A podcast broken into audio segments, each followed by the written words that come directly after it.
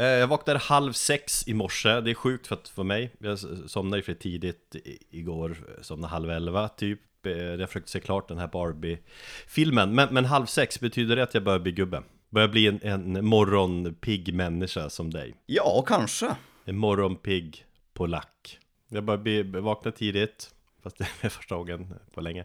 Och eh, ja, i och för sig gråhårig har jag varit. Eh, sen jag var 30 någonting Nu är jag ju 40 och eh, någonting och i medelåldern och Ja, går med händerna bakom ryggen. Ja, det är för jävligt. Gubb, hårdrocksgubb-podden. Fy fan.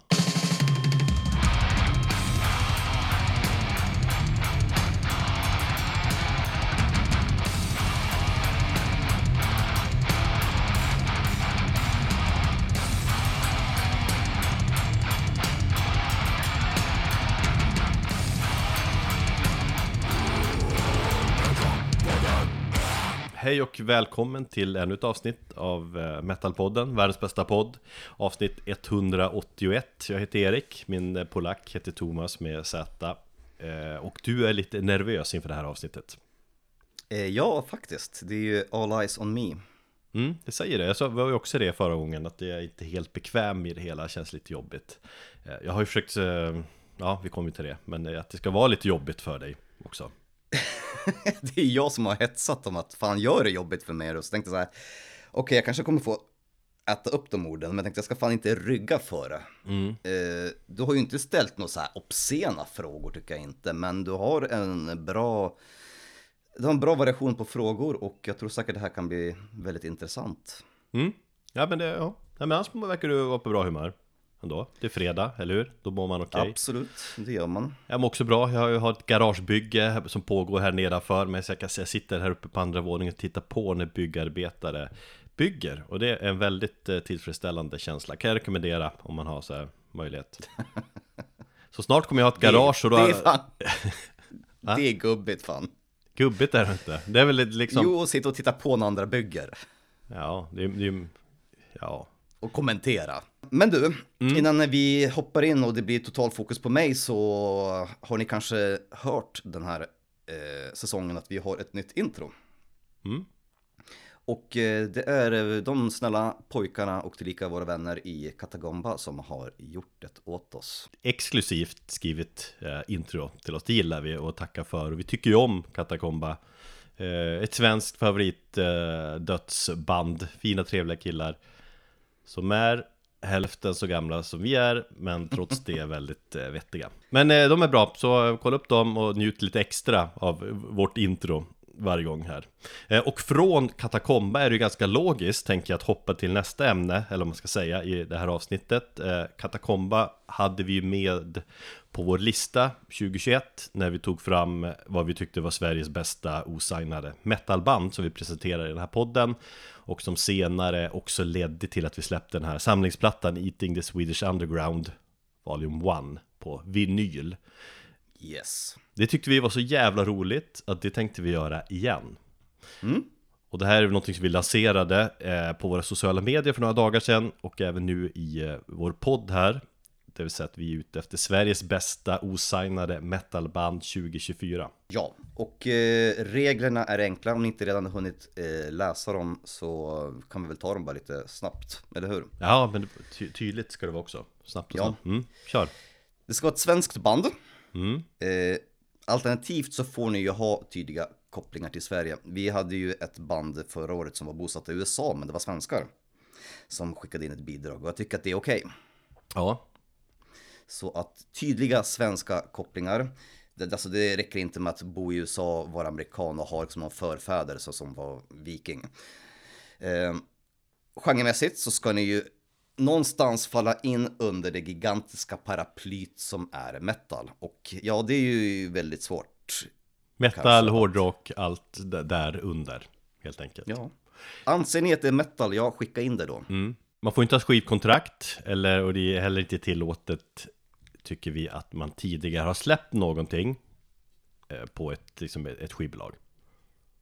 Det är okej om ni har släppt någonting eget. Mm.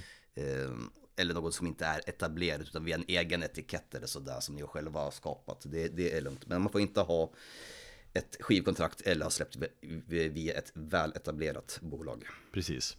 Um, så att det är alla bidrag som följer de här reglerna kommer vi att lyssna på och gå igenom.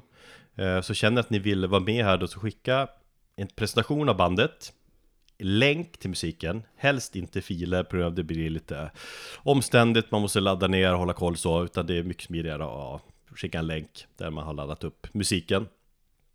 Eh, och skicka det här då till vår e-post metalpodden gmail.com Alternativt så är det okej okay också att skriva till oss på sociala medier om man är inne på sånt eh, på, Instagram eller Facebook.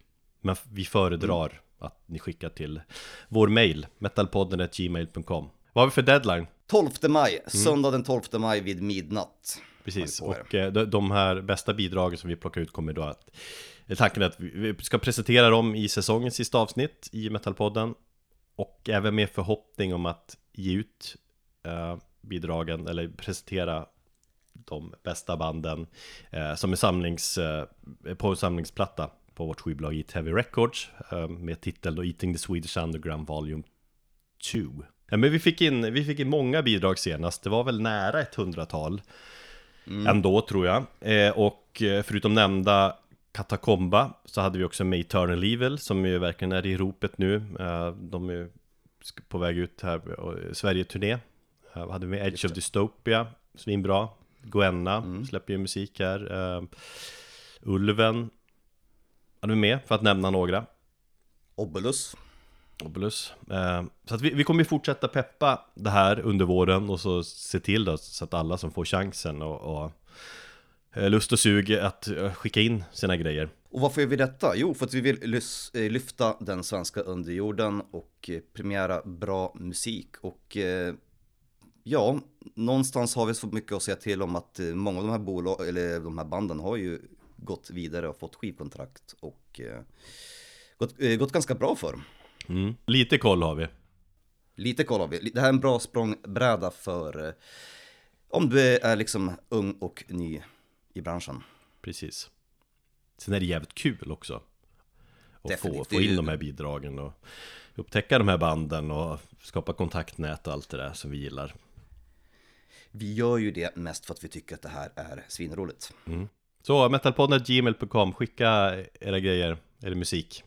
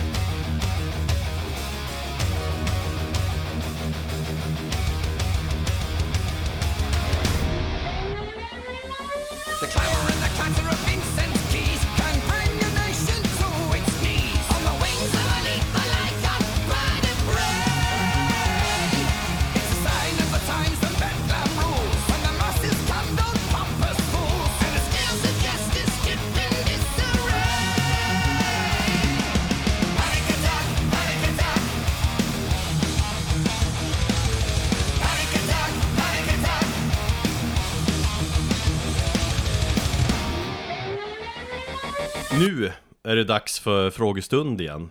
Förra veckan var det du som ställde 20 frågor till mig. I det här avsnittet är det min tur att ställa 20 frågor till dig. Och eh, jag har försökt komma på en del svåra frågor som det kanske inte finns liksom så här helt självklara svar på. Kanske någon rolig fråga. Ja men frågor liksom för att lära känna dig lite mer helt enkelt. Och då har jag försökt Mm. tänka lite ur mitt perspektiv också. Fan, vad, vad vill jag veta om den här jäveln egentligen? Mm. Och du är lite känd att du, Absolut. har suttit med det här. Du har ju fått frågorna i förväg, det ska ju tilläggas. Ja, eh, precis. Däremot så har jag, vissa frågor har jag krävts lite research som, som eh, du har gett mig. Mm. Eh, andra frågor har jag faktiskt inte försökt att tänka på utan jag tänkte att jag ska ta dem på uppstuds. Ja, nej men det var lite Här så jag tänkte också. Eh, när jag, det, det, var, det var min tur förra veckan. Eh, men är du redo? ja, ja, för fan, kör. Då börjar vi med fråga ett. Den lyder, varför är du inte en hårdrockare? Oh, här har vi två stycken svar egentligen. Eller ja, vi har ju egentligen tre svar. Eh, dels så är det ju för att jag inte gillar att Alltså nu får man ju tänka på att jag är journalist och eh, mitt jobb har varit på att sätta saker i, i fack och kategorisera. Eh, men jag gillar inte själv att det blir det. Och jag tycker att eh, facket hårdrockare är det, det är, man målar in sig i ett hörn som jag tycker inte gör, en, inte gör mig någon tjänst egentligen. Mm. Eh, jag tycker oftast att hårdrockare är dumma i huvudet. Eh, och då, när jag säger det så tänker jag oftast på de här gamla generationens hårdrockare, eh, Sweden Rock-rockarna. Eh, och jag tycker att eh, själva liksom hårdrocken är idag väldigt konformistisk och jag är inte det som person.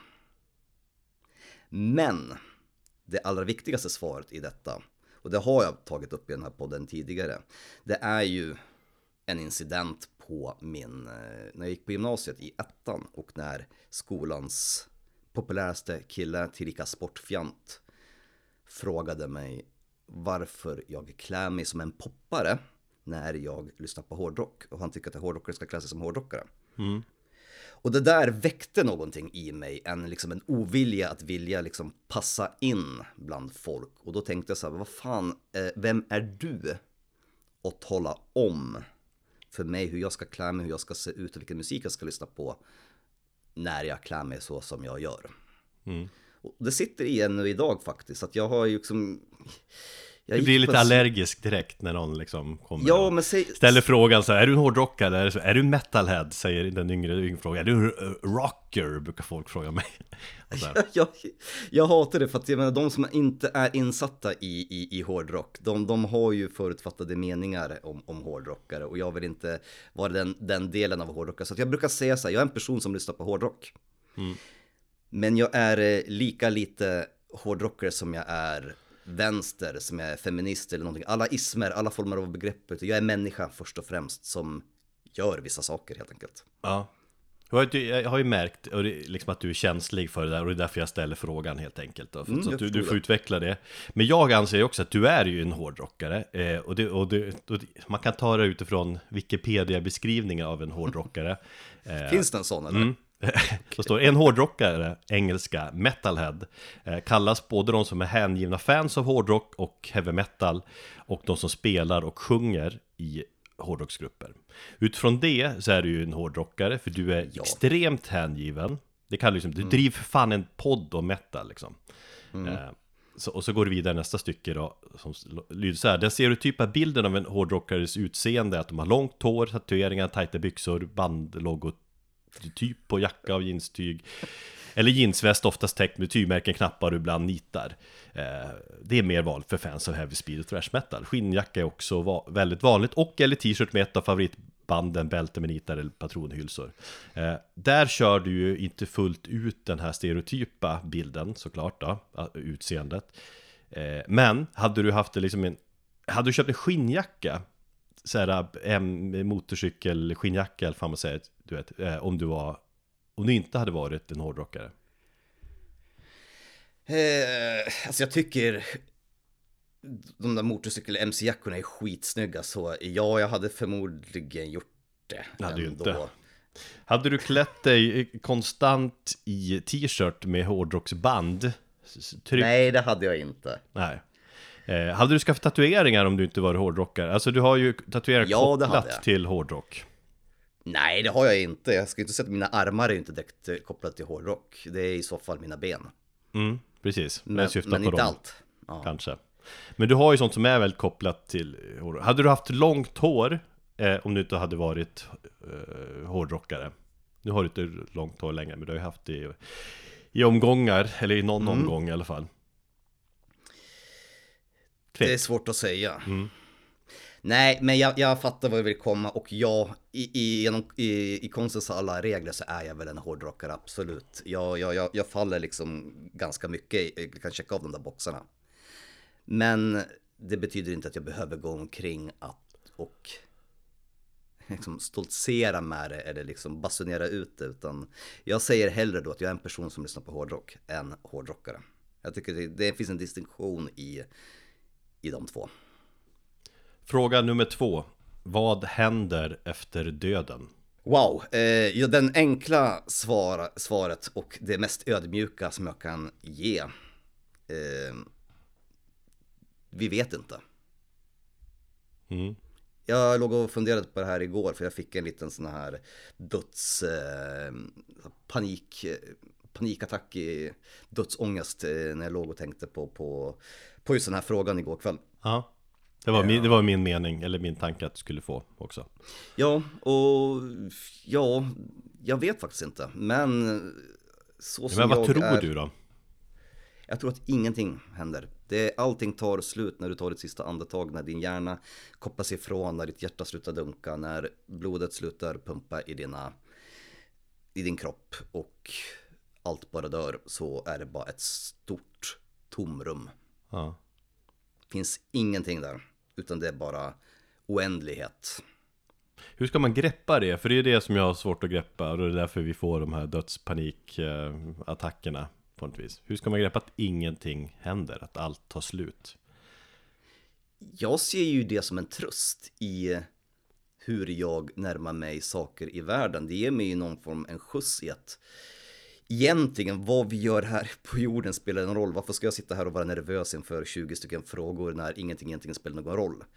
Eh, Jag skulle säga att det ger mig en spark i arslet på att liksom göra det jag vill och inte bry mig så mycket, skita i vad folk tycker och tänker, utan bara göra det som jag verkligen brinner för och gå min väg. Eh, Så jag skulle säga att det hjälper mig Det är som en nihilistisk positiv liksom, tankegång där.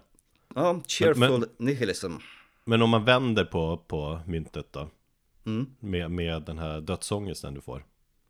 Den, är, den handlar ju inte om...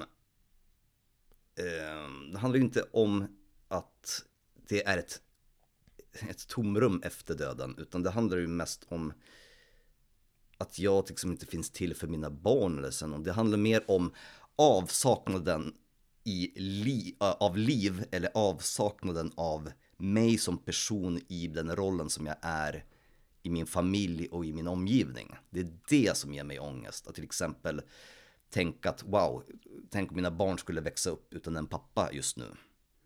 Hur, hur, hur viktig jag är och vilken förebild jag är för mina söner till exempel nu. Och det är det som kan ge mig ångesten att nu finns inte liksom, jag finns inte.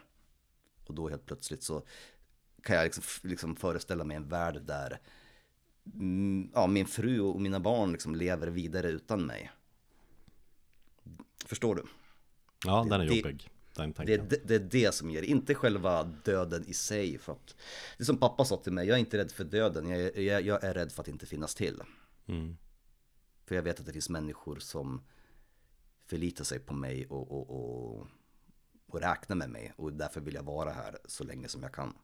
Den där dödsångesten, den baseras väl olika, ja, på olika sätt. Och det är väl bland Mm. annat på det sättet. Bra. Eh, fråga nummer tre. Du får byta liv med en nu levande rockstjärna. Vem väljer du? Ja, den är ju spännande och den har jag verkligen försökt att eh, gräva ner mig i lite grann. Jag tycker ju inte nu, alltså just sådana här typer av frågor tycker jag inte är speciellt intressanta för jag, jag, jag skulle helst inte vilja, eller jag skulle inte vilja byta liv med någon. Jag är nöjd och tillfreds med mitt eget liv. Du måste byta liv om jag säger så. Ja, jag, jag vet och jag kommer Det är lite till svar- halvironisk fråga för att det är väl en sån här Jo. dum fråga på något vis som ställs av eh, någon. Ja, och då, då kanske man förväntar sig här att eh, man ska ställa, att jag ska svara med någon, så, någon levande eller någon, någon rocklegend eller sådär. Men då skulle jag säga så här att som det är just nu så skulle jag vilja byta liv med Kanye West. Jag skulle vilja veta hur det är att vara Kanye West och vara i hans huvud. På köpet skulle du få liksom så här, ännu mer psykisk liksom ohälsa. Ja, Känns ju som, han mår väl lite bra Det är må- må- många liksom med honom jag, jag tycker mest synd om honom, det är så jag tolkar det Att det är en kille som Han, han är väl inte relevant Antar jag, musikaliskt längre, det var väl länge sedan tror jag Eh, Så att han gör alla möjliga sätt och provocerar, försöker liksom och, och ja Ja, han, han lyckas ju och jag, jag tycker på något sätt, jag tycker hela det här, speciellt nu tänker jag väldigt mycket på Bursum eh, t-shirten han har och, och omslaget till hans nya platta. Jag tycker det är sjukt underhållande. Någonstans är det det väl, ta jag var inne på det kanske att det är lite genialiskt ändå Liksom Ja. hur han kan få folk i black metal-grupper att diskutera Kanye West Kallas han inte någonting annat också? Yeah! Va? Yeah! Yeah Ja Okej, fråga nummer fyra, en enkel fråga här nu då. Hur fixar vi fred på jorden? Ta bort eh, den gemensamma nämnaren som är människor. Det är är enda sättet jag tror att vi kan uppnå, liksom bara starta om på nytt. Wipa ut allihopa oss och eh, låt alla andra djur och eh, allt annat liv frodas i, i fred. Vi är ensamt det största anledningen till allt som sker på jorden liksom alla former av katastrofer, all form av ut, mass, massutdöd, allt, massdöd. Eh, så, och vi kommer aldrig någonsin kunna enas på ett sånt sätt att vi kunde kunna prata med varandra. Det kommer vara krig i tusen år framöver om vi en- ens lever så. Så att, eh, det enda sättet vi, vi uppnår någon form av fred är om vi inte finns. Men det är en jävligt mörk syn, liksom att, att människan alltid är konfliktfylld och kommer alltid att vara det Vi kommer aldrig få den här världsfreden Ja, men det har väl varit från eh, Alltså tidens begynnelse tänkte jag säga, åtminstone när vi, när vi liksom började jaga och ha egna territorium och började kriga för egna territorium liksom. Någonstans var det ju någon människa som kom på, nej här får inte den, den andra personen som bor på andra sidan eh, djungeln eh, eller berget eller dalen, eh, han får inte komma hit och jaga mina mammutar, utan då är mina mammutar. Och där började det någonstans krig för territorium och sen så har det bara liksom spritt sig vidare i och ja, liksom lager av lager av makt, ekonom, ekonomiska liksom incitament att kriga mot varandra. Men, och jag tycker inte heller det är speciellt mörkt, utan det här är ytterligare ett litet tillägg till, till min, min tanke om att fan, lev livet bäst du kan. För att vi kommer förgöra oss, men ja, Det, det är ju min syn jag. också, så att vi tänker ju lika där Att människan är vi en jävla kackerlacka som borde försvinna Vi inte kommer göra det Hörru förresten, eh, på tal om mammutar, vet du varför de dog ut? Eh, oh, ja, eh, jag har inte det på tungan nu, men, men berätta. Eftersom papputarna försvann Just ja. Fråga nummer fem Ja, men innan vi lyssnar på fråga fem. Vi ska eh, lyssna på Inculture. Uh, en, eh, ett norskt black thrash, ett black thrash band från uh, luftslottsförorten Kolbotten som du kallar det. Ja, varför tycker jag att det är ett luftslott att säga att när, när, när man pratar om kolbotten? Därför att det är en välbärgad förort till eh, Oslo. Om man åker in, man tar bilen på 10 minuter in till Oslo Ja, precis. Men eh, ändå så, så har de ju släppt eh, väldigt många bra band och Inculter kom i eh, slutet av förra året med sin tredje platta. Eh, som jag missade helt men som jag lyssnade på väldigt mycket i under julen och jag tycker det passar bra till din fråga. Så vi lyssnar på låten Extinction.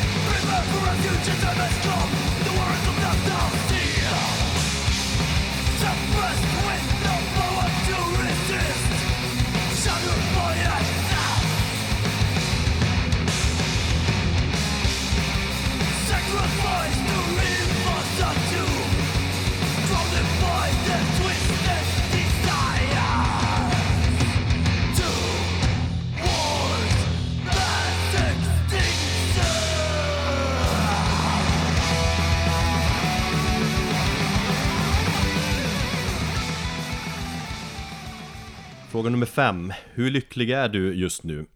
Eh, Skal 1 till 10. Argumentera för saken.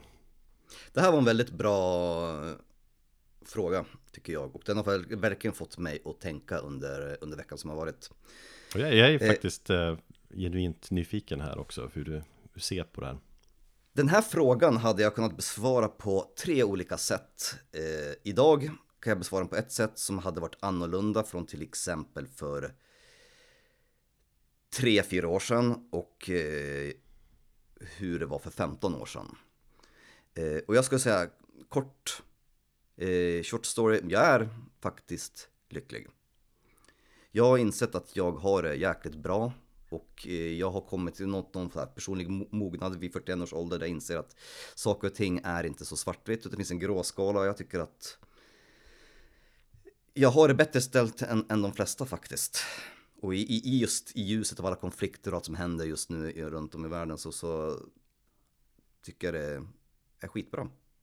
Jag, jag, Eh. jag stoppade snabbt där, vi såg på nyheterna i morse, eh, barn från Gaza som grät Eh, Grabbarna kollade på det när de precis minuten innan hade liksom bråkat om och gråter, de vill, vill inte använda en, en tandkräm, eller vill ha en annan tandkräm fast de har använt den här tandkrämen Och så Ja. liksom säger Linda, ja de där barnen i Gaza håller inte på att gråta på grund av någon tandkräm direkt Och man såg att det verkligen gick upp en tankeställare i deras huvud Det var intressant Mm.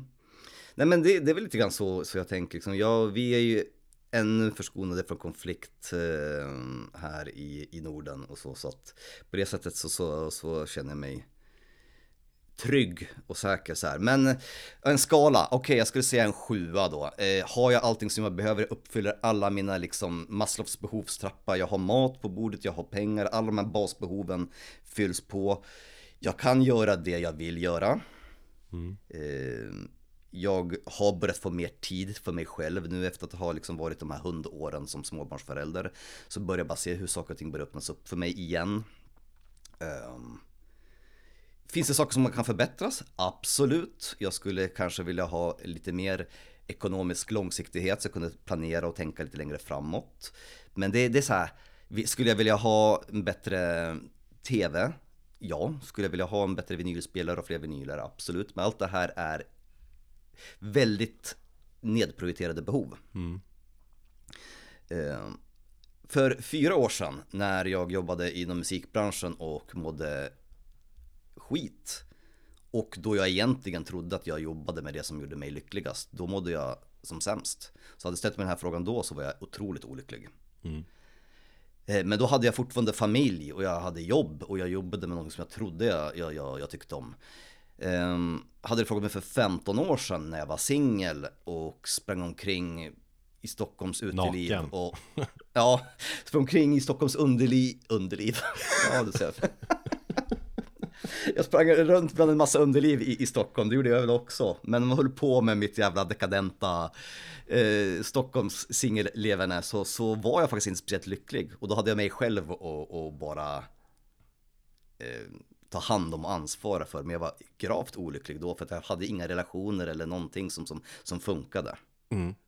Om, om, Just jag vill, om jag spinner vidare på det här då och kopplar till hur vi ser på liksom olycklighet och att som en artist lever, leverera om du är en poddartist och du är lycklig nu betyder ju då att du kommer vara ganska dålig på podd Artister är ju som bäst när de är miserabla och eh, tar droger och sånt där Absolut. Jag eh, skrev och var ju betydligt mer kreativ i min, mitt skrivande och, och texter och sånt där när jag var, när jag var som mest olycklig. Eh, men jag tror också det ändras. Jag har ju till exempel i mitt sätt att skriva så har jag ju närmat mig saker. Jag kan fortfarande använda, jag har ju fortfarande en ganska morbid syn på, på, på omvärlden och jag närmar mig ganska mycket med, med ganska så mörk humor. Och det har jag tagit med mig oavsett om jag är lycklig eller olycklig. Men jag kan skriva om andra saker och jag har hittat andra perspektiv också. Så att jag tror ändå jag kan göra bra ifrån mig. Sen som hur det blir med podden, om folk egentligen vill höra mig gnälla hela tiden eller om de vill höra mig vara glada, jag vet inte riktigt. Mm. Men jag är fan, Sjuan då, Ja. det är bra det är en sjua. Jag, jag måste säga att jag, jag har det bättre ställt än de flesta och, och, och det tar jag inte för givet och jag är ödmjuk inför det faktumet. Fråga nummer sex Vad, vad vill du bli när du blir stor? Den en, vad jag vill bli nu eller vad jag ville. Jag får väl tolka som fråga som du vill. Men jag syftar väl kanske lite på liksom När man är ung och man funderar på vad man ska bli Vad ska jag fan ha för yrke? Och liksom när man är vuxen kommer man ha koll på allt Och nu är, ja, jag tänker Något sånt. Vad vill du Jag bli vill in- när du blir stor? Jag har väl insett att jag fortfarande inte riktigt vet vad jag vill bli och jag tror inte att man får veta. Jag tror att livet handlar om, om ett sökande och att man kanske nöjer sig med vissa saker, andra saker som funkar väldigt bra. Jag är ju ganska nöjd med min nuvarande roll och mitt nuvarande arbete på det sättet. Betyder det att jag liksom nöjer mig och sitter stilla? Nej, jag söker alltid efter saker att förbättra och göra, göra annorlunda och men jag har väl någonstans liksom vant mig och jag tog det här stora klivet att jag bröt med, med musikbranschen och eh, valde också att gå tillbaka till min journalistiska karriär. Och det är ju den banan jag har tänkt att fortsätta med. Mm.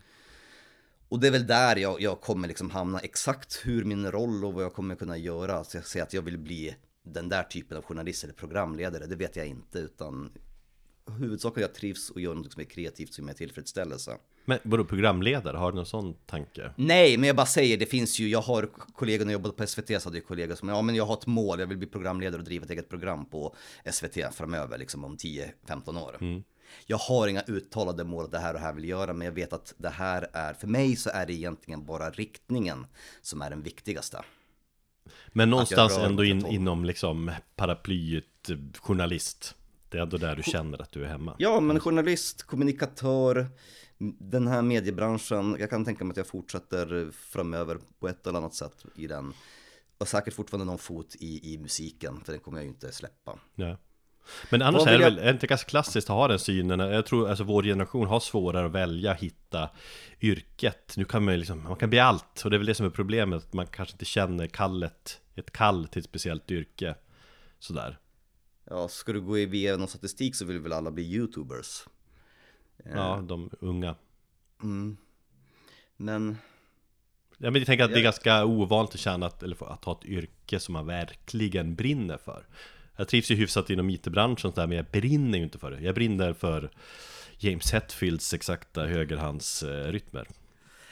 Ja, nej, men fast jag tror någonstans, i och med att jag är som jag är som person och jag går oftast all in i saker så vill jag ju gärna hitta någonting som jag tycker om. Om Man, om man tillbringar ändå så mycket tid med på ett jobb och då vill jag att det ska kännas värdefullt. Så att någonstans så letar jag väl ändå efter någonting som kan vara ett intresse som så ligger nära hjärtat. Men det behöver inte alltid vara något som man brinner för 100%. Men jag skulle ju inte kunna sätta mig och börja hålla på med redovisning. För det är någonting som jag totalt, förutom att jag inte kan det, har totalt noll intresse för. Och i, ja, motsatsen till brinner. Eh, Med det sagt så, så som barn så vill jag bli skådespelare. Det var drömmen. Och spela i eh, Beck-filmer Ja, äh, Arnold Schwarzenegger, eh, actionhjälte vill jag bli. Fråga nummer sju Prata lite grann om ditt förhållande till alkohol Det är ju då inte en fråga om vi nu ska vara petiga, men jag förstår det och ehm, jag antar att du åsyftar på mitt nya nyktra leverne, kanske. Som du kanske har nämnt lite grann i den här podden men Ja, jag är Ja, lite mer jag- nyfiken kring det där Ja, men jag känner också att det här kanske finns, eh, finns någonting och man kan doppa ner tårna i det här. Alltså mitt förhållande till alkohol är ju ganska bra. Jag har aldrig varit alkoholist. Men jag har eh, haft ett komplicerat förhållande till alkohol. Eh, Min mamma växte upp med en alkoholiserad far. Så att det var, hon var väldigt mån och väldigt beskyddande när det handlade om alkohol eh, när jag var i mina tonår.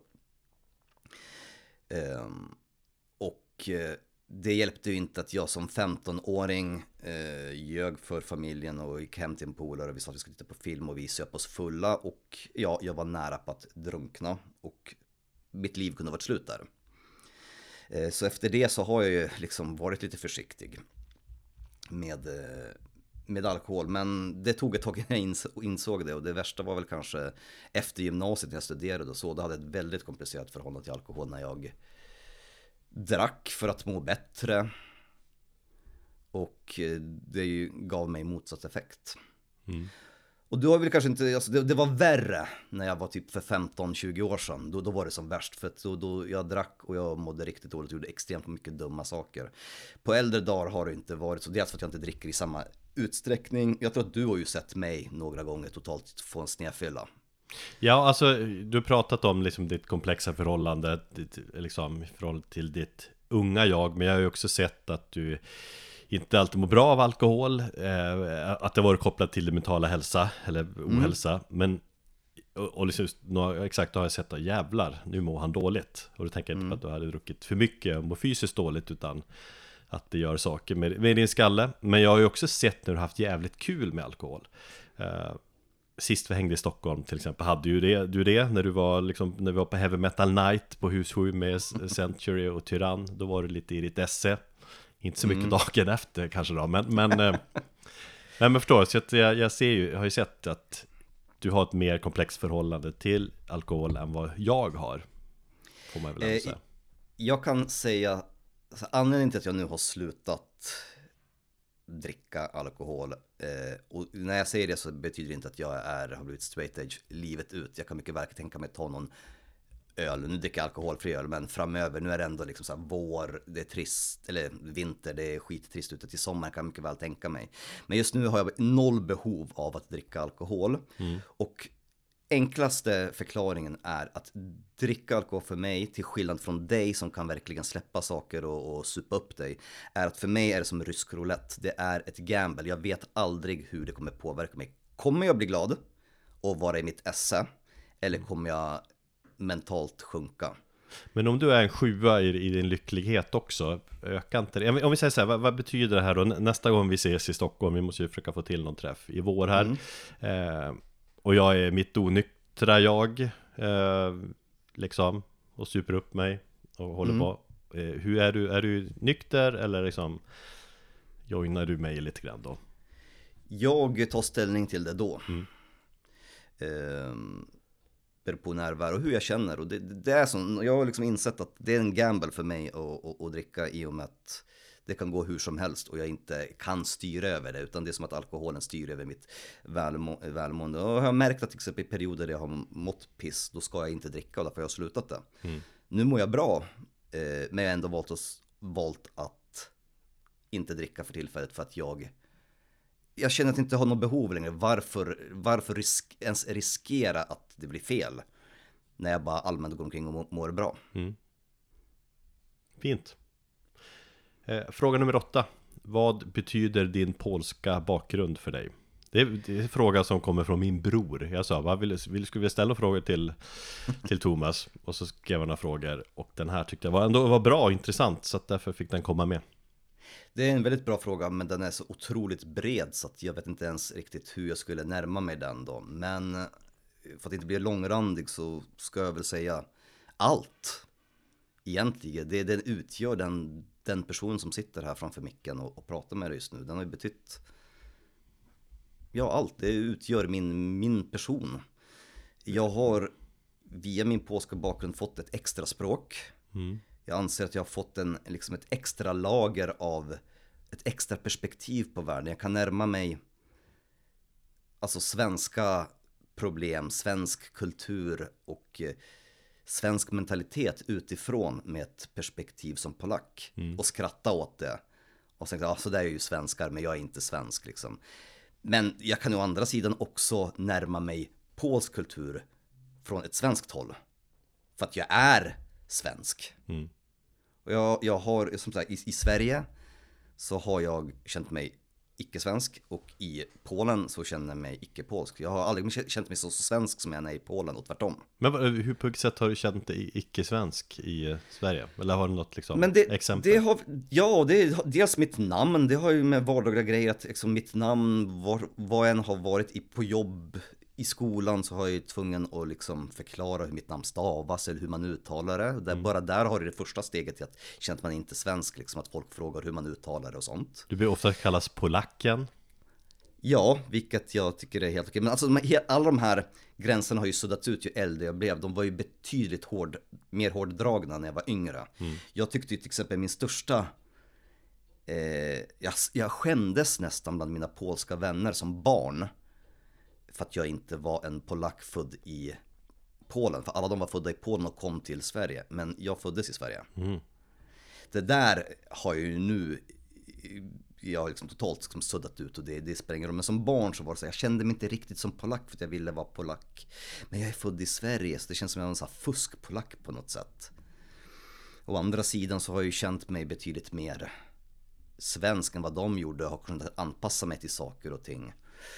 Och jag, både jag och syrran, jag tror att vi blir så extremt, eh, alltså vi försvarar svensk kultur just under alla de här, under våra upp, uppväxt som, som polacker med polsk liksom, kultur runt omkring oss. När, när vi har haft middagar, det har varit fester och alla polacker har liksom börjat eh, klanka ner på Sverige och svensk byråkrati och någonting. Då har jag och syrran alltid varit de som bara app, app, app.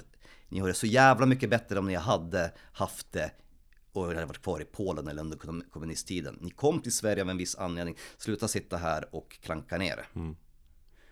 Så att jag är ju, där blir jag ju, tvärt, där blir jag ju rå svensk. Mm. Men i en fotbollsmatch, eh, när Sverige möter Polen, ja då blir, då blir jag superpolsk. Men då håller du på Polen då? Ja det gör jag. Fy fan. Men i hjärtat, men jag vet ju att de kommer schabbla sig. Och jag vet ju, och jag hoppas ju någonstans att rent praktiskt Sverige kommer vinna för de har större chanser att ta sig vidare. Tveksamt. Sverige i fotboll är inte direkt jättebra just nu. Det känns som en riktig C-nation typ. Men jag, jag har väl märkt lite av det. Jag, jag hade ju kunnat nästan vänta mig att du också skulle ha sagt att det påverkar mig inte ett skit. Du vet, så nationaliteter och grejer har vi ju kanske båda lite svårt för. Liksom att, men fan vi är alla människor. På mm. den här jorden, spelar för roll, skärp er då. Det blir alltid, det blir konflikter och skit man håller på sådär. Men jag har väl märkt liksom jävligt konstigt förhållande till liksom kyrkan eller som eh, din katolska bakgrund till exempel. Så för, ja. för mig är det bara det där konstigt. Men det där kommer ju upp, bubblar ju upp då och då på olika sätt. Ja. Nej men ja visst, jag, jag anser väl också det här med just nationaliteter och tillhör, eller liksom det ju, vi snackar ju om nationalism och patriotism. Det har jag varken mot no, no, något.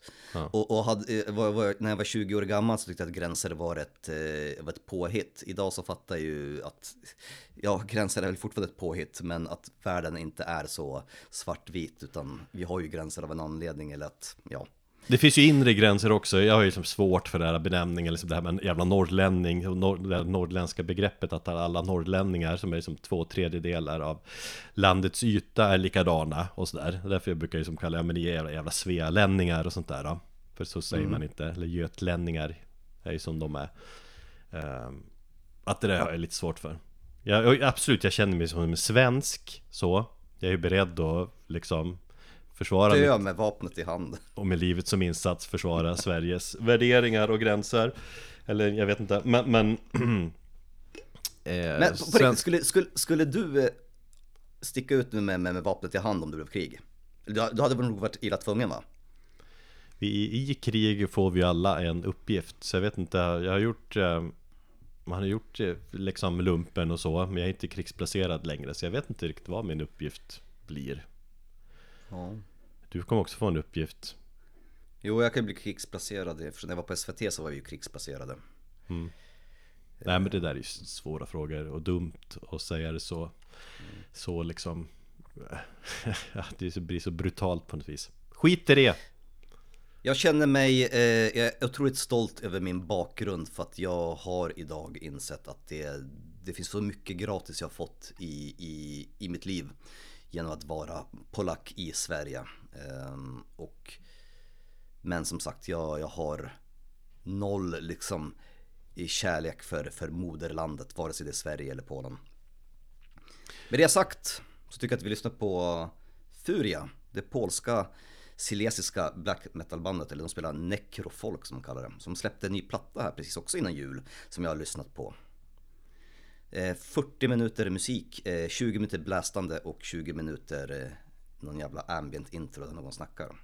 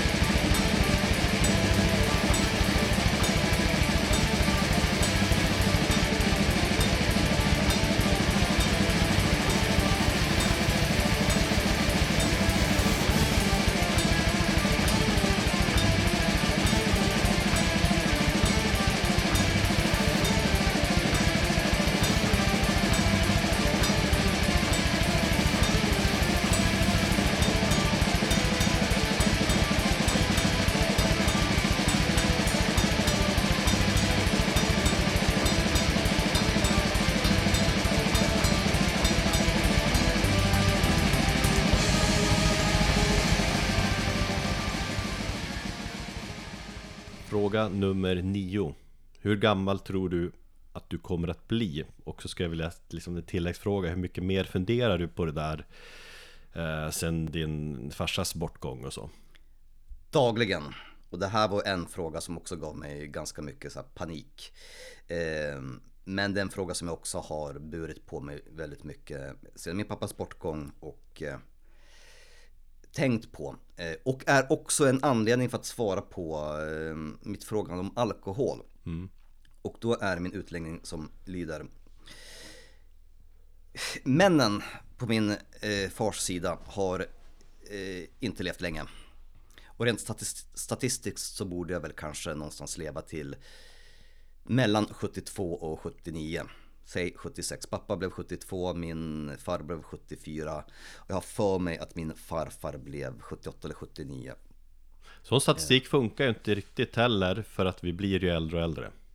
Absolut, det är jag fullständigt medveten om och det måste jag liksom pränta in i min skalle när den här paniken över att bli gammal. För jag tänker så här, okej. Okay. För fars, farsan, brukar, farsan brukar säga liksom så här, en sak ska du jävligt klart för dig. I, i vår släkt då lever vi inte länge. Och visst, mm. det är så här Västerbottens inland och, ja, men, det, är ju länge sedan, vad fan. Jo, ja, självklart. Och, menar, både min, mina männen på, på den polska sidan av, eh, och på min fars sida, det är liksom, du får ju tänka på det förhållanden de växte upp i, hur mycket de rökte och söp. Och hade liksom ganska många, alltså ja. Fördomen säger ju att de drack mycket vodka av dina släktingar. Ja, någon form av alkohol, absolut.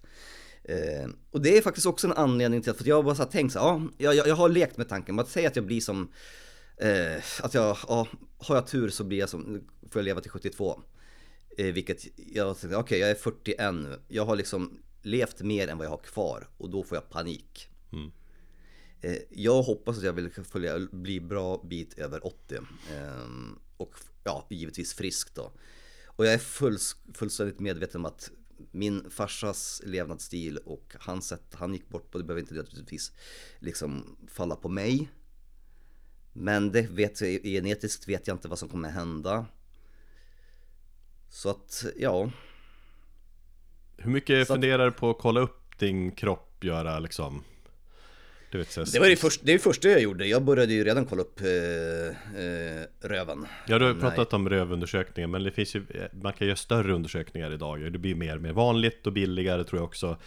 Och mer och mer liksom ja. jag, jag, har, jag har det konstant i bakhuvudet, jag är fortfarande för ung så att jag menar, har jag av mig till vården så har de sagt nej du är för ung, återkom om några år. Eh, men jag har det hela tiden i bakhuvudet och jag har tänkt att ja, innan jag blir 50 så ska jag göra både en prostatundersökning och kolla liksom för tjocktarmscancer igen och screena mig för dess.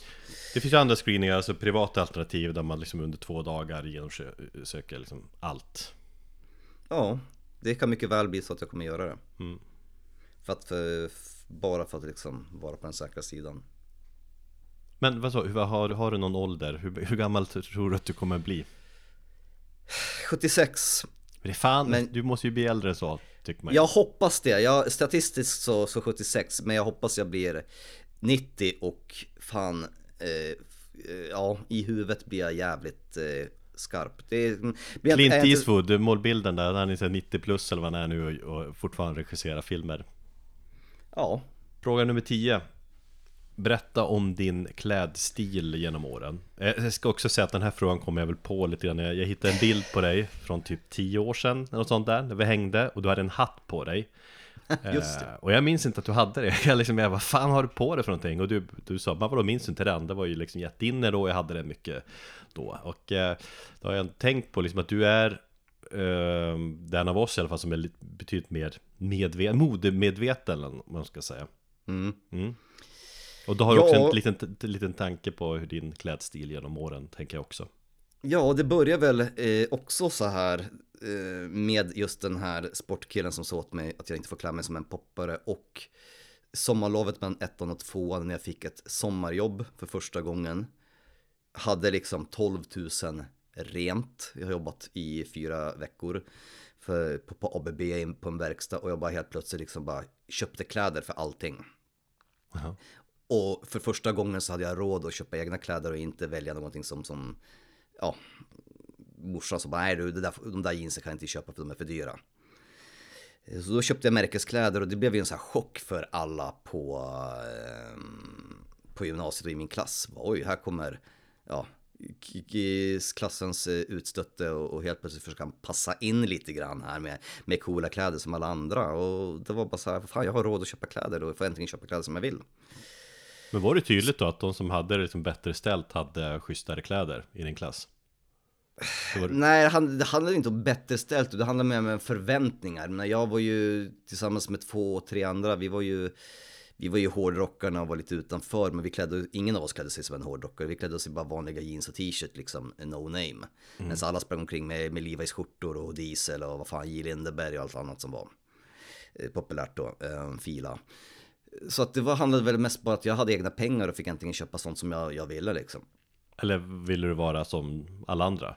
Alltså, Absolut, som ja. 16-åring så ville jag väl också passa in på något sätt. Så självklart så, så var det väl, fanns det väl en, en, en baktanke att liksom kunna bli accepterad och, och passa in på något sätt. Mm. Det är väl det man vill som 16-åring. Ja. Eh, men sen dess har det bara vuxit och jag har gillat att spöka ut mig. Min syster har också haft så här, hon, har, hon, hon kallar sig för poptrollet för att hon gillade också så här, alltså bara verkligen spöka ut sig och, och, och se till så att alla blickar föll på henne. Och jag har väl också gillat att göra det. Det har också att göra det här med att, att eh, bara liksom folks förväntningar på en, ställa dem lite på kant. Kasta omkull folks förväntningar på en. Ja, han är hårdrockare, ja men då kommer jag med en, med en gul J. Lindeberg hoodie. Helvete. Fan, han kan ju inte klassa sig sådär. Går jag på en fin middag, då, då vill jag sätta på mig en Slayer t-shirt. Det handlar om att bara göra konstant motsatsen och, och få folk att liksom så här, ja, det är någon så här tuntig fortfarande. Rebellisk ton... stil ja, på något vis. Ja, re... alltså rebelliskt tankesätt som jag, jag har insett att jag är 41 år gammal och på något sätt fortfarande. Jag, när jag jobbade på SVT så var det ju så här, ja du kan ju inte ha på dig de där, de där t-shirtarna liksom när du ska stå i sändning. Nej, det gjorde jag inte i början, men sen mot slutet så bara fan, klart, jag släpper på mig min Bolt Thrower t-shirt. Kanske kan jag stå i, in i i, eh, när jag gör ett reportage och, och, och, så är det någon som tittar på det och så de bara ja, fan bollthrower. Eller min lilla Sodom-pin som jag hade i livesändning på min, på min jacka som de ville att jag skulle ta bort. Men jag lyckades kuppa in den. Var inte det Satyricon? Ja, det var, ja, Satyricon har jag också haft, men, ja. men Sodom det är för att, det är för att du är hårdrockare, då klär man sig med pins och grejer. Ja, och, och det var ju också bara, nu ska jag kuppa in. Men det handlar ju om att jag gillar inte, eller jag har väl aldrig gillat att bli så här, ja men säger du att jag ska göra så här? Mm. Nej, men då tänker jag göra så där. Mm. Nu har jag ju lugnat ner mig betydligt mer på, på, på genom åren. Ja, men då, berätta i, idag då.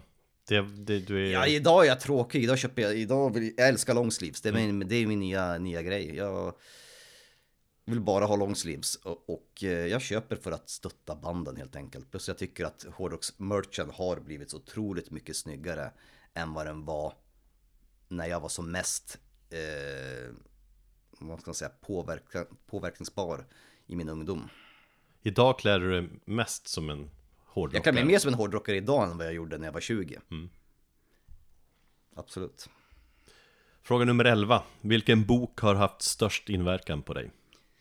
Kanske en av de bästa mm, frågorna här. Och alltså? jag har ett, ja, jag eh, har funderat också på den här och den här kanske kommer vara väldigt chockerande. Känner du till författaren Paulo Coelho? Jag tror du skulle säga Bibeln. Faktiskt inte, för jag har inte läst, läst Bibeln. Paulo Coelho är en, eh, nu tror jag att han är brasiliansk författare. Ja, jag tror att han är brasiliansk författare. Mm, eller om han är portugisisk, jag pratar portugisiska, men jag minns inte om han är portugis som bodde i Brasilien eller om han var infödd brasiliansk författare. Eh, han har ju skrivit Alkemisten, känner du till den? Ja, det är en sån där bok som är, har sålt världen över en bestseller förr i tiden. Eh, ganska kort novell om, om en pojke som, ja, på jakt efter jag, jag minns faktiskt, det var så länge sedan jag, jag läste den. Mm. I mina tidiga år, när jag var kring 20, mellan 20 och 25, så sökte jag väldigt mycket efter mig själv. Väldigt, väldigt mycket. Eh, det var också uppkomsten till, till väldigt mycket av mina depressioner som hade den tiden. Eh, och jag hittade Paolo Coelho Eh, och just boken Alkemisten.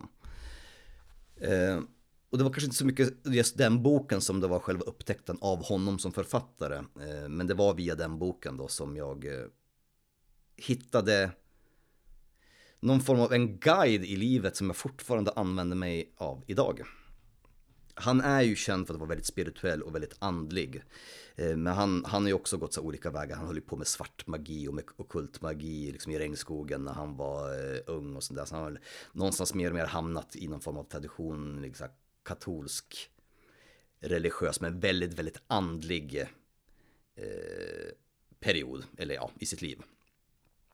Och hans tidiga böcker tyckte jag var otroligt bra för de, de var upplyftande, det fanns någon form av liksom, ja men ett spirituellt, och då menar jag alltså inte på ett religiöst sätt utan jäkligt svårt att säga, men en, en form av andlighet att liksom om du om du tror på något tillräckligt hårt så kommer det ske. Och det låter ju kanske otroligt eh, flummigt för att vara från en så cyniker och realist som jag är idag. Mm.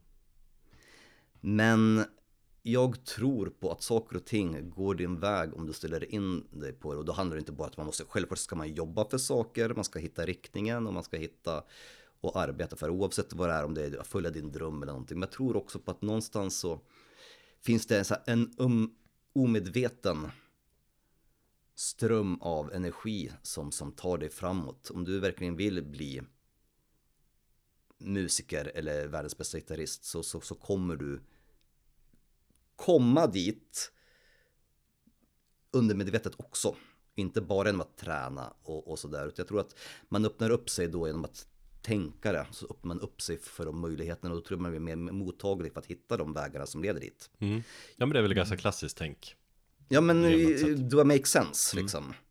Och, det, det, och jag tänkte så här, när jag flyttade till exempel till, tillbaka till Västerås så var det mycket diskussion kring för mig och Karo hur vi ska göra med barnen, vi ska med, med, med, eh, med liksom, ja, jobb och sånt där. Men okej, vi, vi, vi, vi ställer in oss på att flytta till Västerås. Eh, men vi sätter ingen deadline. Utan vi bara bestämmer att vi ska flytta tillbaka.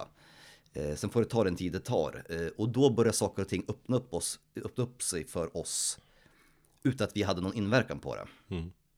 Och det tror jag har att göra med liksom undermedvetenheten, man blir kanske lite mer så alert på saker. Bara men vänta, nu såg jag en lägenhet där. Det här vore ju perfekt för oss och så, så tog vi den och så fick vi den liksom. Jobbet för henne, hon bara, men helt plötsligt, då måste jag hitta ett jobb. Ja men, just ja, så fick hon kontakt med en gammal kollega och så fick hon jobb på det sättet. Så jag tror att, och samma sak den vägen som jag ville gå när jag hoppade av eh, musikbranschen och jag bara kände nu vill jag bli, jag vill satsa lite mer på journalistiken, jag vill komma tillbaka till det. Då var det väldigt många vägar som öppnade upp sig för mig som jag inte hade räknat med. Det är liksom, det är både ödet som styr fast med liksom mer inställningen att man börjar liksom Ah, tänk åt visst håll, då blir det. Du, du, ja, blir men jag, jag, jag, jag, tror ju inte på ödet som så. Det, allt, allt är ju slumpartat tror mm. jag. Men, men det handlar med, jag tror att det handlar om ett undermedveten energi som gör att du kanske ställer upp och blir liksom mer alert på vissa saker som kommer göra att du leder dig till, det leder dig dit. En av de mest kändaste böckerna är det, läser jag också. Ja. Fint. Fråga nummer 12. Om du kunde spela ett instrument och haft talang för det och spelat i ett band, hur hade det bandet låtit? Då undrar jag om det här, jag blev nästan lite stött av frågan. Eh, haft talang, förutsätter du att jag inte har talang? Nej men det, om du hade haft talang på ditt instrument, alltså inte bara kunna spela ett instrument, alltså gitarr eller någonting. Det är det många som, som kan göra liksom. Jag kan riffa på, men jag kanske inte har supertalang. Då menar jag liksom talang att verkligen varit liksom Att du hade kunnat göra, eller spela ett band som hade tagit sig Ja, fram okay, då... Från alla andra band Den okay, här stora massan eh... av tusentals band jag, eh, då har jag liksom tolkat den här frågan lite annorlunda. Hade jag haft talang eh, så hade jag väl, liksom, jag minns ju att jag, jag är ju ja, uppvuxen med piano och jag försökte mig på gitarr under mina tonår men jag hade aldrig tålamodet. Mm. Vilket jag typ igår insåg att har förmodligen att göra med, en, med min diagnos som jag eventuellt ska utredas för. Att det är den som har satt, vet det, ja, det är den som satt krokar liksom för mig under mina tonår att jag aldrig orkade ta mig till att lära mig varken bra piano eller gitarr. Mm. Men då hade jag velat vara en eh, gitarrvirtuos, eh, drav, alltså Mikael Åkerfeldts solo i eh, Window Pane. Jag har drömt, flera dagdrömt om jag har stått på en scen och dragit av det, av det solot ensam liksom och kommit på det. Ja, nej men det är som en dröm. Jag, alltså, jag tänker mer, kan liksom, ja, sagt, om du, om du hade Nej, liksom... men, det, ja, men det är det. Men hade jag, om vi ska göra det lite mer jordnära och kopplat till idag, så hade jag ju velat använda rösten. Det hade det, det varit mitt instrument. Mm. Och då hade jag velat, eh, hade jag haft en jävligt bra pipa och kunnat skrika och, och gurgla på ett sätt som inte gör att jag får ont i halsen så hade jag gärna gjort, gjort någon form av riktigt brutal, noisig eh, hardcore grind. Inte helt olikt eh, Full of Hell. Där tror jag att jag skulle kunna liksom få mest, eller Candy för den, för den, för den. Där tror jag att jag hade kunnat hitta mest utlopp för mina, mina mest bisarra idéer. Kanske musik som du går igång på mest just nu också, eller gjort senaste tiden. Ja, inte bara, jag, jag, jag, jag tänker oftast på, tank, på tanken bara, om hade jag velat spela dödsmetallband, hade jag velat spela black metalband. Mm. Nej, jag hade nog velat befinna mig i den här, för här kan man liksom, bara, idén om att leka med pedaler och effekter med industriella läten och bara låta, låta liksom så, så, så skev som, som, som man kan göra. Det är lite mer gränslöst, du, har inte lika många Exakt. regler att förhålla dig till då Däremot Precis. alltså, jo men du har ofta snackat om liksom i skriva texter att du, du, du, kanske nämnt det tidigare också att du ser dig själv som liksom sångare, frontman så här, jag, vet, jag, jag vet inte, jag ser, kan, kan jag se dig som en frontman? Ja, kanske Om du har haft talang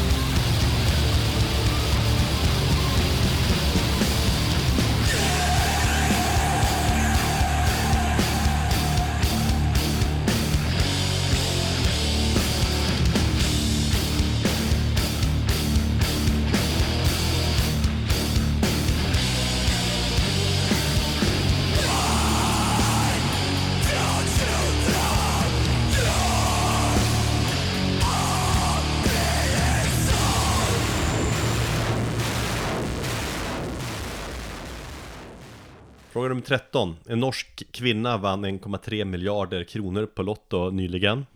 Mucho dinero. Eh, vad hade du gjort om du vann de pengarna? 1,3 miljarder in på kontot. Bam! Jag hade börjat med att eh, fylla allt det materialistiska behovet. Nya tv-apparater, köpt ett hus, köpte köpt en eh, tv, bil, Um, och täckt folk i min närhet. Det betyder alltså se till att mina barn hade det bra ställt och investerat de pengarna. Se till att min mamma uh, hade det bra ställt. Um, köpt jävla massa vinyler. Köpt upp kanske Evil Greed så jag bara hade så här en e-, ständig supply av uh, merch från dem. Men jag hade förmodligen startat upp någon form av organisation eller skänkt pengarna också någonstans. Någon form av organisation, vadå? Ja, ja men jag tänkte på någon, någon hjälporganisation i form av eh, psykisk ohälsa eller eh, cancer eller någonting sånt. Mm. För med 1,3 miljarder kronor är inte pengar som jag behöver. Så mycket är jag, jag skulle kunna klara mig på en, en, en bråkdel, på en tiondel av detta så hade jag varit jävligt nöjd ändå. Mm. Mm. Jo, det det är liksom, det, jag tycker det är intressant när man i, börjar prata miljarder och grejer. Ja, men jo, en, en miljon, är, alltså med all respekt, men det är ju inte så mycket pengar egentligen. Nej. Eh, men hade du, om, om vi snackar liksom lycklighetsskalan eh, där, hade du blivit lyckligare av 1,3 miljarder in på kontot? Jag hade blivit, ja, det hade jag väl blivit. Jo, då menar jag inte någon form av personlig eller själslig lycka, men jag tror att jag hade, jag hade kunnat utan problem ta ett sabbatsår. Eller jag hade inte kunnat göra det nu, inte göra det nu för jag tänkte så här, Visst, jag hade tagit pengarna och rest, det är det första jag skulle vilja. Jag skulle åkt och gjort min drömresa till Tokyo, eller till, Japan och, och, bara bott och, och gjort det. Men det hade jag fortfarande inte, jag har ett ansvar. Vad fan, det är ju min drömresa. Är det också din, din drömresa? Ja, ja, det är min också. Mm. Bara besöka Japan och, och, resa runt där. Men jag hade ju fortfarande inte kunnat göra hur många miljarder jag än hade för att mina barn har skolplikt och, och, och jag har liksom åtaganden här hemma. Det går inte. Men jag hade kanske planerat att jag hade kunnat ta en hel semester sommaren och gjort det. Mm. Istället. Så det är väl, det kan ju gå i skola utomlands också. Det finns ju svenska skolor i andra länder och sådär. Jo, men Privatlärare kanske... har du råd med och så vidare. Ja, det hade jag för sig också haft, ja, det stämmer. Men det är just den frågan, jag, jag tycker ändå den är intressant liksom. Man tänker spontant att jo, det, man liksom, pengar löser ju mycket ändå, så man hade väl kanske blivit lycklig. Men jag är också liksom, det kanske jag också nämnt någon gång, men jag, jag fastnade i en intervju med den här Marcus Persson heter han va? Notch eller vad han kallar sig, han som sålde Minecraft eh, ja, Norrbottningen och det var väl liksom så här typ 14 miljarder han fick eh, och han liksom, ja men det var en intervju, han hängde på Koss och liksom var olycklig. För han liksom, han kunde, kunde inte lita längre på vem som var hans riktiga vänner och så. Mm. uh, För det, man kan ju tänka längre att förhållandet till din familj, eller familj, men det, och dina vänner och så hade ju ändå förändrats. Till exempel, om vi skulle ses i Stockholm då så hade jag ju kanske väntat mig att du bokar typ Grand Hotel varje gång. Och en skål med kokain och eh, prostituerade så vi kan dra liksom linor från deras skinkor och så vidare. Eh, Liksom det, att du skulle förhålla till när du är så jävla rik miljardär eh, Det skulle bli lite knepigt. Ja, jag tror säkert att en massa förväntningar kommer med det, men jag hade väl kanske samtidigt, hade vi träffats i Stockholm så hade jag inga problem att bjuda på allt sånt där också om jag hade så mycket pengar. Och det hade jag gjort, gjort, med, gjort med glädje.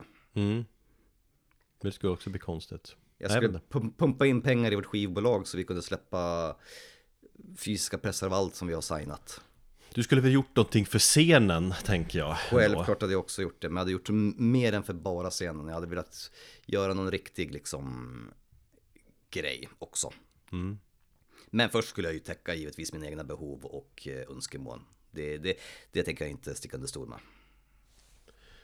Fråga nummer 14. Nämn en egenskap jag har som du önskar att du hade och en annan egenskap som jag har som du inte skulle vilja ha. Jag är väldigt avundsjuk på din förmåga att kunna släppa saker och bara ge dig hän när vi är tillsammans och vi, vi är ute. Du, liksom, du, du skulle kunna mötas av, ja, till en viss grad då, av ett dåligt besked men fortfarande bara fuck it, nu går vi ut och super och har kul. Yeah. Och liksom, du, du har lite grann av, det är i alla fall mitt intryck av det, du har alltid haft en flott panna, att du låter saker rinna av lite grann från det, i alla fall i stunden liksom så här. Och det här kopplas också till frågan, eller tillbaka till lite grann det här om, om alkohol och sådär. om jag till exempel skulle mötas av att ja, men du, du, jag fick sparken från jobbet idag. Då hade jag varit ganska deppig och hade inte kunnat njuta av den. Om vi skulle varit ute på en konsert liksom. Jag hade varit i Stockholm och fått det beskedet. Eh, Medan du kan säga, ah fuck it, det, det löser sig, nu, nu super vi. Ja, jag vet fan alltså, det, det skulle påverka mig ganska hårt tror jag. Ja, nu, nu var det kanske ett extremfall, jag menar precis, ett dödsfall hade man ju inte direkt bara gå ut och skitit där. Men jag menar att tämligen små grejer eller du kanske har ett jävla projekt som, som du håller på med som du grämer dig över som det där folket har levererat eller du har du oroar dig över deadline. Men du vet, du vet ju till exempel så ja men nu är det fredag, det är ingen som kommer jobba, jag kan skita i det för det går inte att göra någonting nu. Nu mm. går vi ut och har kul och super mig full medan jag förmodligen inte hade kunnat släppa det under hela helgen. Mm. Utan burit med mig under helgen. Ja, men just det, det, det, där exemplet, just när vi ses, då vill jag, då ska det verkligen vara kul liksom. Ska jo, jag vet. maxa. Men du, du är bättre på det än jag och jag har liksom tagit efter och försöker släppa saker. Nu vet jag till exempel att nu är det fredag och folk jobbar inte. Jag kan inte göra något, jag kan inte påverka. Allt handlar om att släppa kontrollen. Du är bättre på att släppa kontrollen än vad jag är. Och det där är en daglig, eller en daglig, men i alla fall ofta en grej som jag försöker jag tittar på dig och tänker att jag borde bli bättre på det där. Mm. Och jag har lång väg att gå. Eh, och en egenskap som du har som jag inte skulle vilja ha. Mm, det känsliga svaret här då.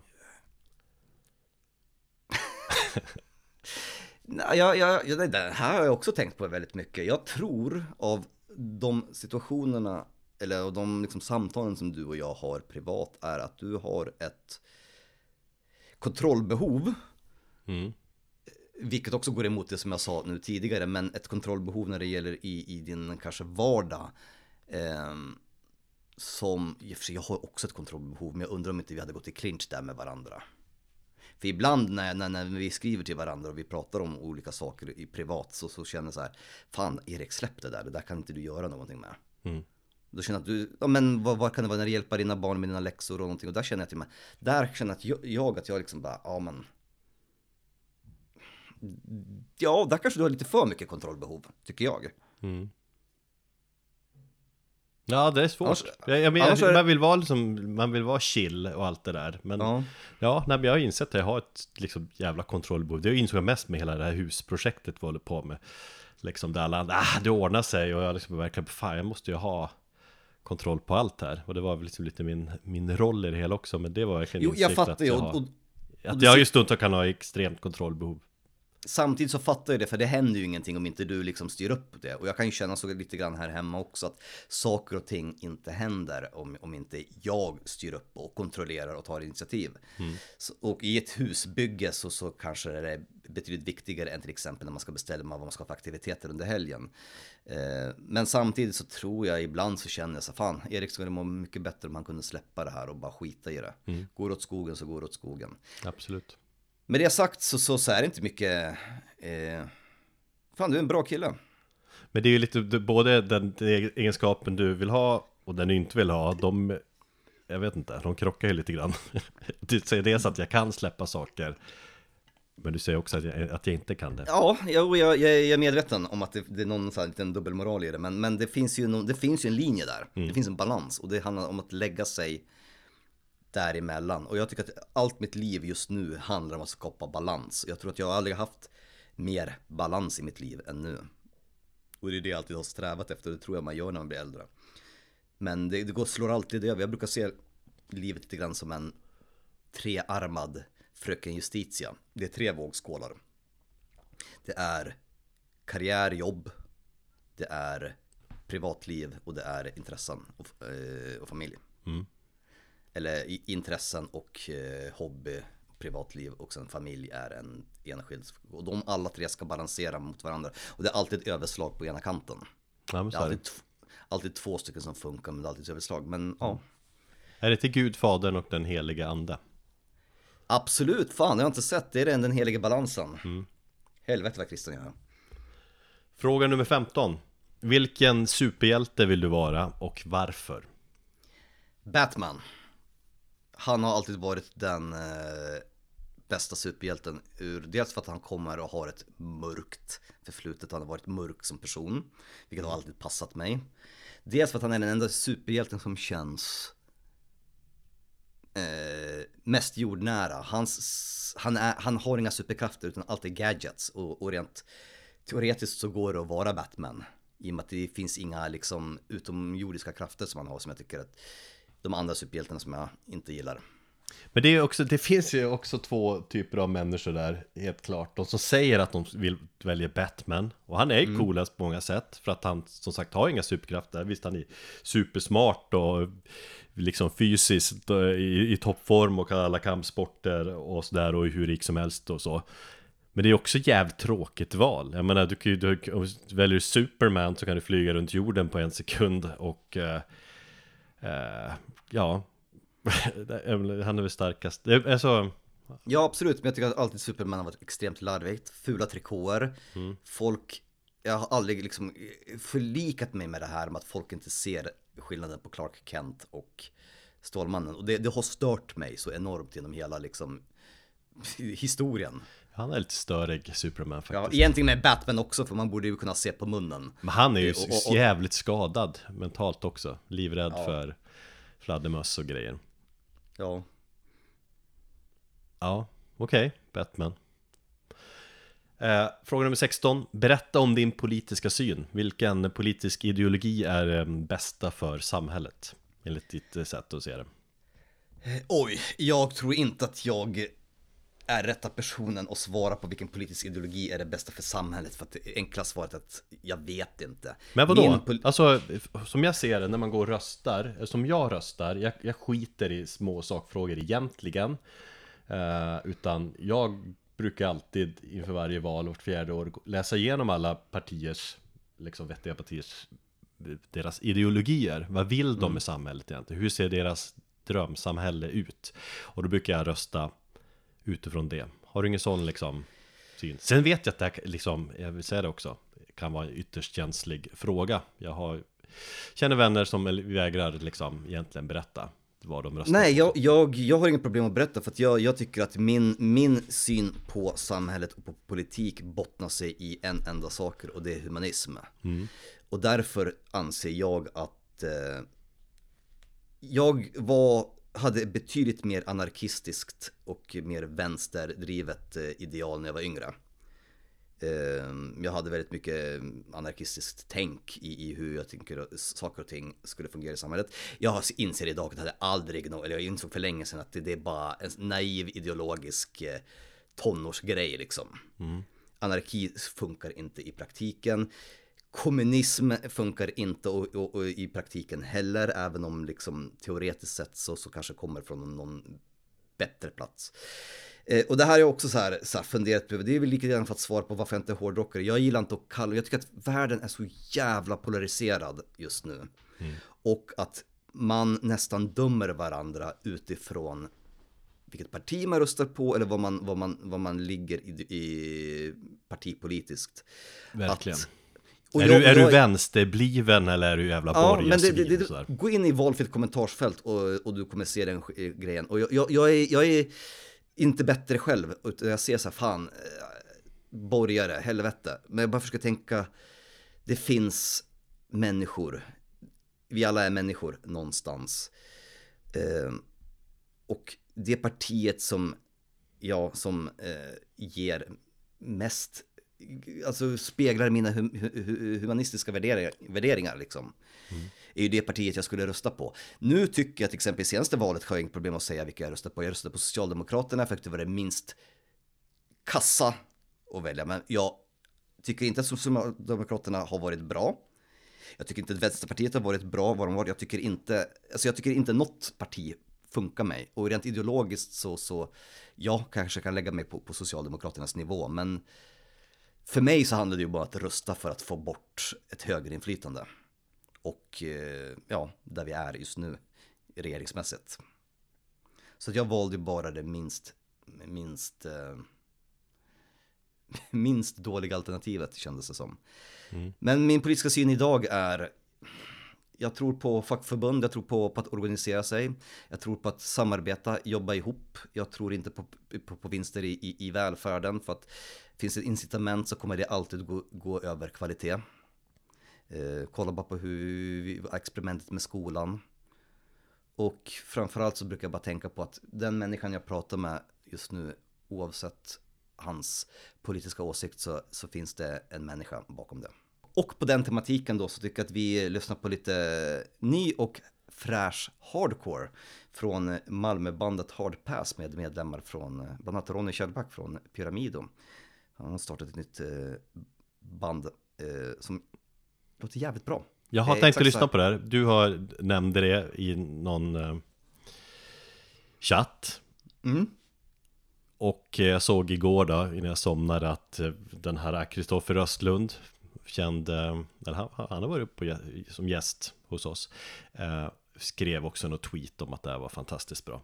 Och det är ett klassiskt exempel, eh, kommer från två håll, från dig, från ett annat håll. Eh, och då tänker jag att ja, men det här måste jag lyssna på.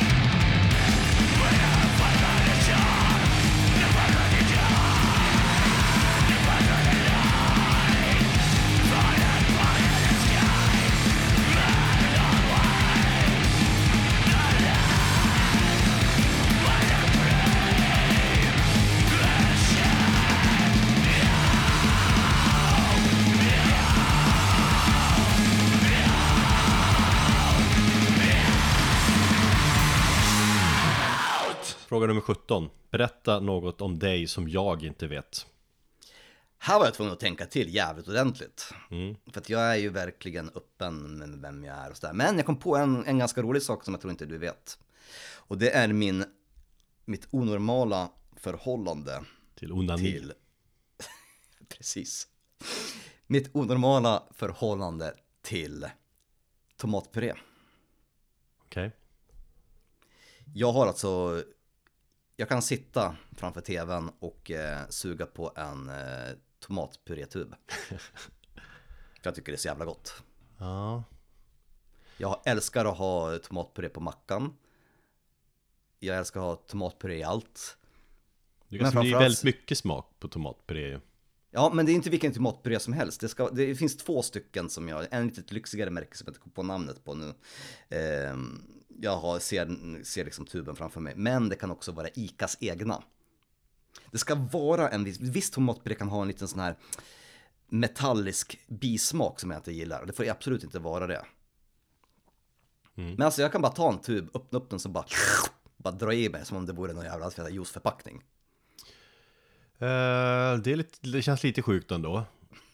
Man vet också, eller man, man lagar mycket köttfärssås och grejer, så har man slut på tomatpurén en gång, bara slänger lite ketchup då, men det blir absolut inte samma sak. Nej. Eh, och så kan man smaka tomatpurén. Men nu när jag ska ta lunch här strax så tänker jag att jag ska göra exakt det, smaka lite tomatpuré och tänka mig in i din, din sjuka tomatpuré, liksom pepp. Du, och det har jag fått från farsan, han gillade också det tydligen. Är det en polsk grej? Det kan det vara. Men eh, det kan också vara, jag tror att det finns, ja det kan vara fan en polsk, jag tror även spanskt. An- Använder tomatpuré som, som en sån här pålägg, men man blandar ut det med någonting. Fråga nummer 18 Ranka Panteras fem plattor som släpptes mellan 1990 och år 2000 80-talet räknas ju inte då, då. Eh, Och det här är en fråga som jag har tagit för att Pantera alltid blir hånade i den chatt vi har med Trust No One Tim. Där finns ett starkt Pantera-hat och ja, jag, jag är fine med det, det är mest kul tycker jag. Men Jag är ju inte med och håna så pass Ja, mycket, det är han. det är liksom du, du smittas av det där liksom och det här liksom groove Ja, metal okej, ja, det- hatet och sånt där. Så ta med, med, men du är mest på hans sida där. Jag håller ju liksom Pantera otroligt högt liksom Och det, det är jag inte rädd för liksom erkänna eller något sånt där Jag skulle väl kanske liksom för mig var, är det kanske det, det näst bästa bandet genom tiderna för, för mig och min liksom musikaliska eh, utveckling och allt jag hittat och sånt där men, men eh, så, så att det, det blir kul att höra din syn på de här fem plattorna då Jag tänkte att jag börjar bakifrån. Mm. Så plats ett är den bästa, men jag börjar från plats fem. Ja, det är så man gör Och då tar vi Reinventing the Steel, för det är en platta som jag knappt har hört. Jag hörde den när den kom, 2000.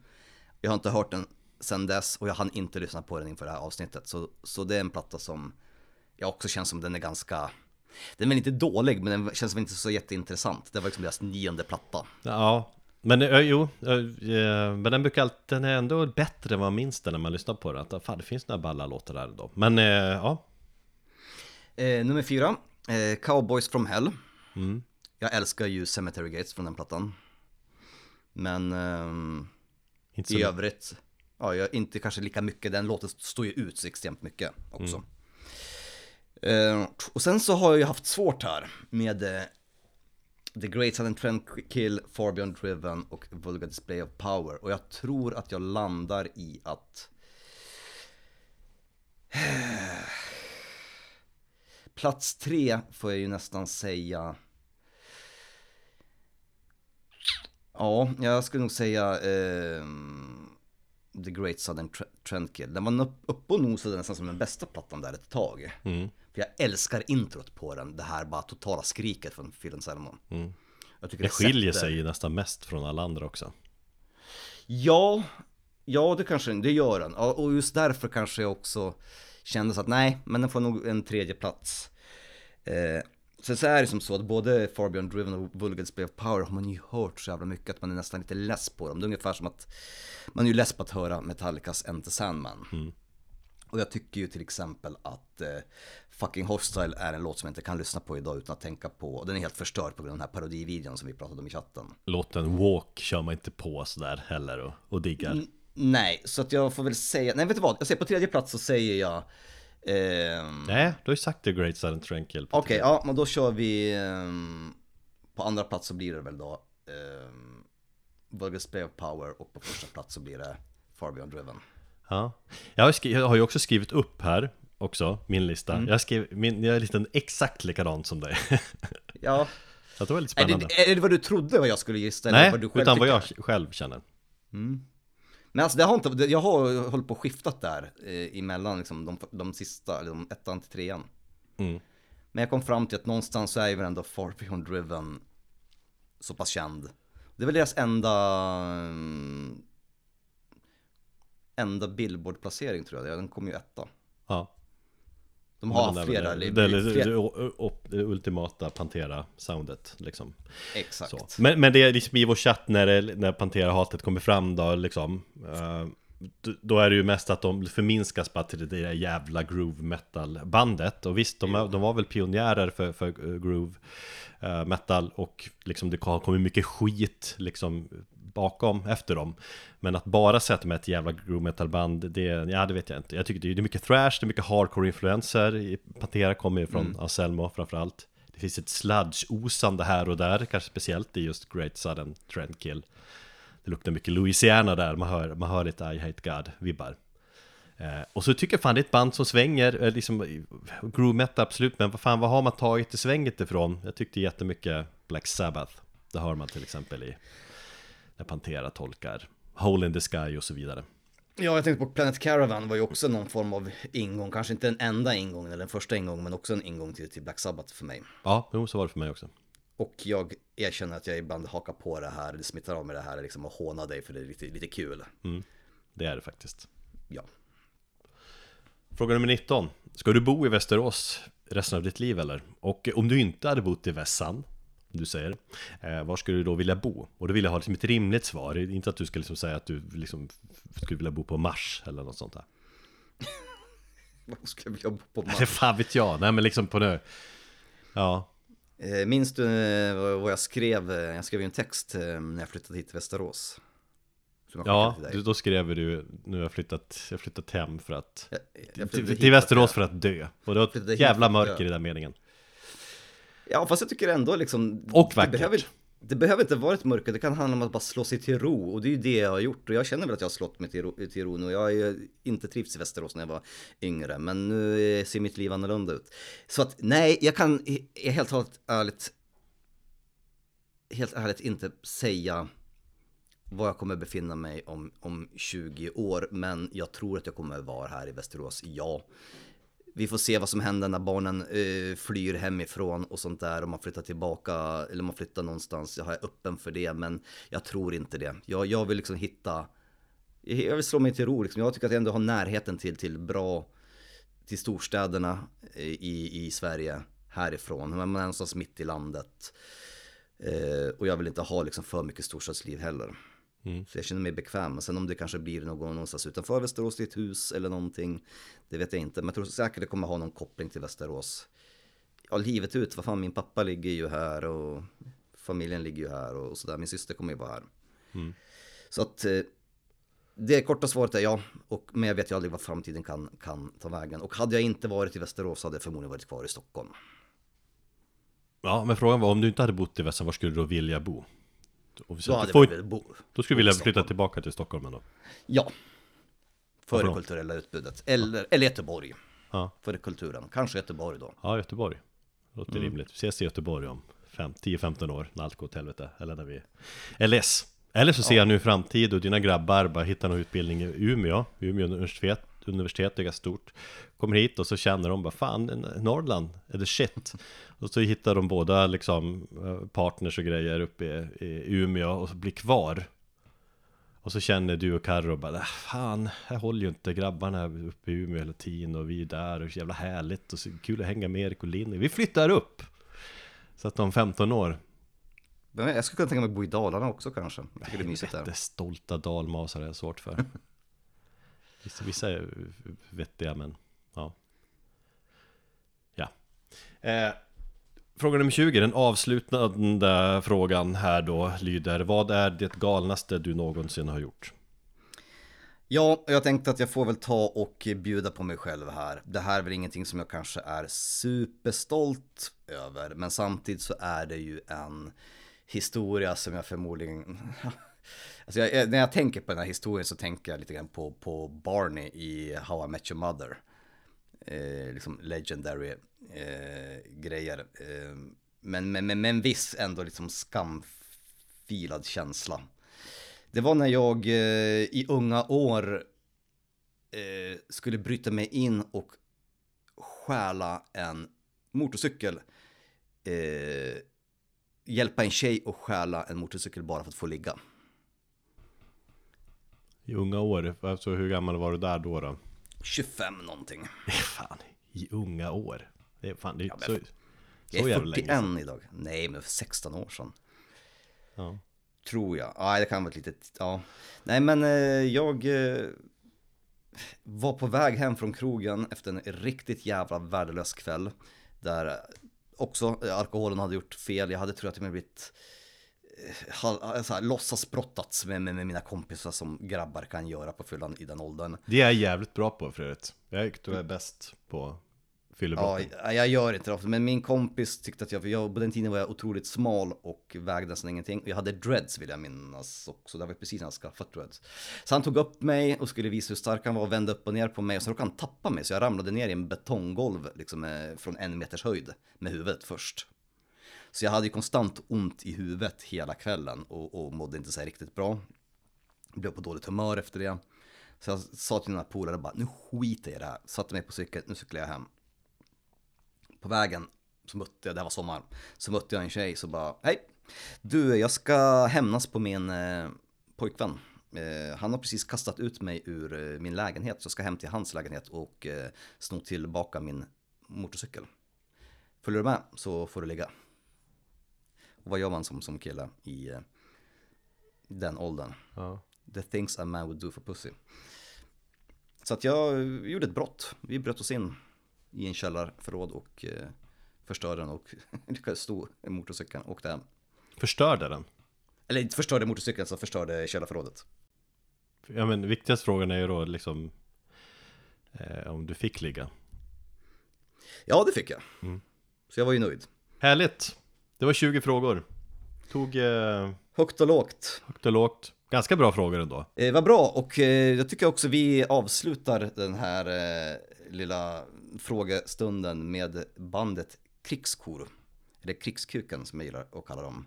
Spelar eh, väldigt avancerad atmosfärisk eh, dödsmetall. Det har varit mycket snack om krigskuken i chatt Glöm inte att skicka in ditt bidrag till Sveriges mest Sveriges bästa osignade metalband 2024 Och nästa gång, ta hand om er. Hej då!